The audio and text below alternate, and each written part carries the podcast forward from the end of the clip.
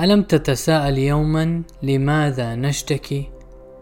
لا شك أن مثل هذا التساؤل صال وجال ببالك في وقت من الأوقات وربما وجدت الإجابة أو جملة إجابات ومن المحتمل أن يكون العكس قد حدث وما زلت في طريق البحث عن تلك الإجابات التي ستتعدد إن طرحنا هذا السؤال عليك أو على غيرك من الناس باعتبار اختلاف الأمزجة والأذواق والأفهام والعقليات.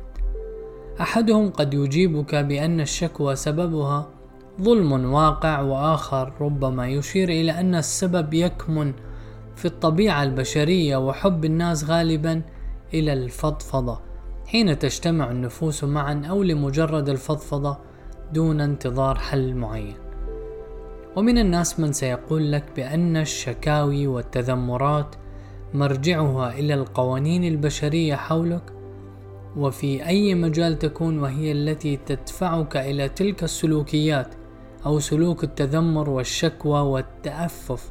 وهكذا تتنوع الإجابات بحسب عقلية ونفسية ومزاج من تسأله.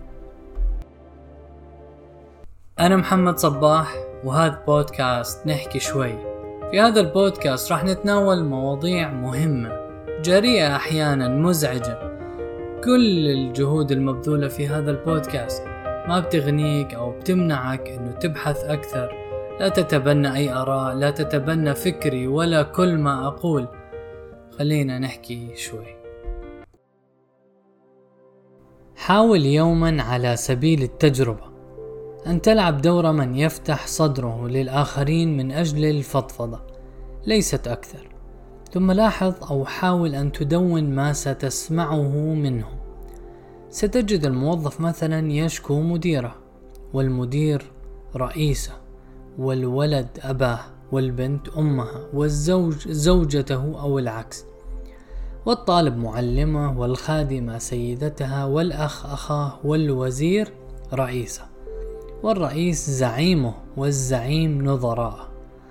وهكذا حتى يأتيك إنسان لا يشكو غيره فتقول في نفسك هذا هو الإنسان المثالي وإذا به يشكو نفسه أو مربكته أو طعامه أو ملابسه وأحيانا الطقس وربما يصل أحيانا إلى قرينه من الجن. القلب البشري حين يفرغ من الرضا ويقف عقله عاجزا عن فهم القوانين أو قوانين الحياة الدنيا لأي سبب من الأسباب ولا يستوعب قوانين وطبيعة الحياة الآخرة. فلا شك أنه سيدخل دوائر فوضوية فراغية شتى منها دائرة التذمر والشكوى التي ما أن يدخلها. حتى يتوه داخلها لا يخرج منها سريعا ما لم يطلب الهداية من الله ليصل إلى مستوى الرضا القلبي لأقداره وأقدار ما حوله فيصل بالتالي إلى الفهم العقلي الصحيح لسنن وقوانين هذا الكون الهائل. كل ما يحدث لنا من خير أو شر إنما هو نوع من الابتلاء والاختبار وإن بدرجات متنوعة متفاوتة لأننا في الأصل نعيش حياة اختبار لأجل حياة خلود واستقرار وما التذمر أو الشكوى إلا أحد ردود الأفعال منا تجاه الابتلاءات والاختبارات والتي على إثرها تتحدد الدرجات التي نستحقها في الحياة الآخرة. لكن ألم تلاحظ حين تنهال عليك مشكلات وهموم أو مخاوف دنيوية متنوعة. تجد نفسك بشكل تلقائي تردد من أعماق قلبك قائلا حسبي الله ونعم الوكيل. لا شك عندي أنك تقولها تلقائيا بغض النظر عن درجة إيمانك وتقواك وورعك. إنك في تلك اللحظة الصادقة الخالصة تعلنها صريحة واضحة بحسب الفطرة الإنسانية التي فطر الله الناس عليها. أنك في مأزق حقيقي وأنه لا ملجأ لك ولا منجاة من الله إلا إليه سبحانه لا أحد سواه. فتقول حسبي الله أي أن الله هو الكافي وهو المانع وهو الحافظ إنه سبحانه. من سيكفيك ما أهمك وأتعبك. وسيخرجك من المأزق الذي أنت فيه. وسيهديك صراطا مستقيما. ويفرج عنك. لاحظ أن كل تلك المعاني تتجمع في قولتك حسبي الله ونعم الوكيل. ومن توكل على الله في كل أعماله وخطواته فهو حسبه.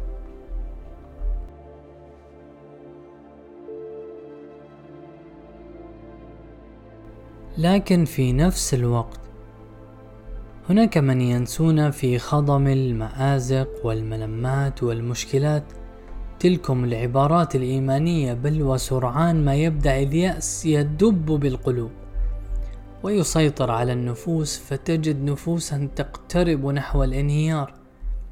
فيما أخرى تكون قد انهارت فعلا. اليأس مشكلة كثيرين وتكون المشكلة أكبر وأعمق تأثيرا حين تتحول البيئة المحيطة أحيانا إلى عامل تثبيط وهدم. وتساعد على هذا كله إن توفر وحدث فإنه لا يجب. أن يدعو إلى اليأس مطلقا لأن الأصل في مثل تلكم الظروف. أن ينشط الإنسان أكثر فأكثر في السير نحو الله واللجوء إليه والتوكل عليه والفرار إليه. وليس الفرار منه أو اللجوء إلى غيره والركون إلى اللا شيء بانتظار حدوث أي شيء. حاول بعد التوكل على الله والاستعانة به في أوقات الأزمات وعظائم المشكلات أن تكون أنت من يدعم نفسه ويشجعها على المضي قدما في طريق الأنبياء والمرسلين والعظام من البشر. أولئك الذين كان الإقدام وعدم الركون إلى الفشل والاستسلام منهجهم وشعارهم في هذه الحياة.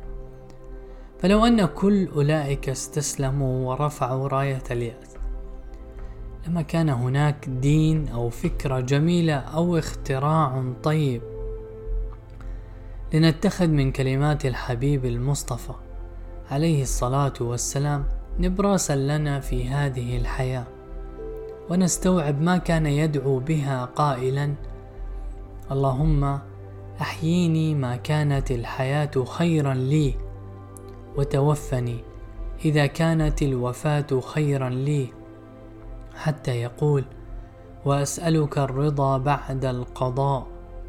ويبين لنا عليه الصلاة والسلام في موضع آخر بأن من سعادة المرء استخارته ربه ورضاه بما قدر ومن شقاوة المرء تركه الاستخارة وسخطه بعد القضاء.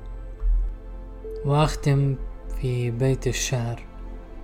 وإذا عرتك بلية فاصبر لها. صبر الكريم فإنه بك أعلم. وإذا شكوت إلى ابن آدم إنما تشكو الرحيم إلى الذي لا يرحم. سلام.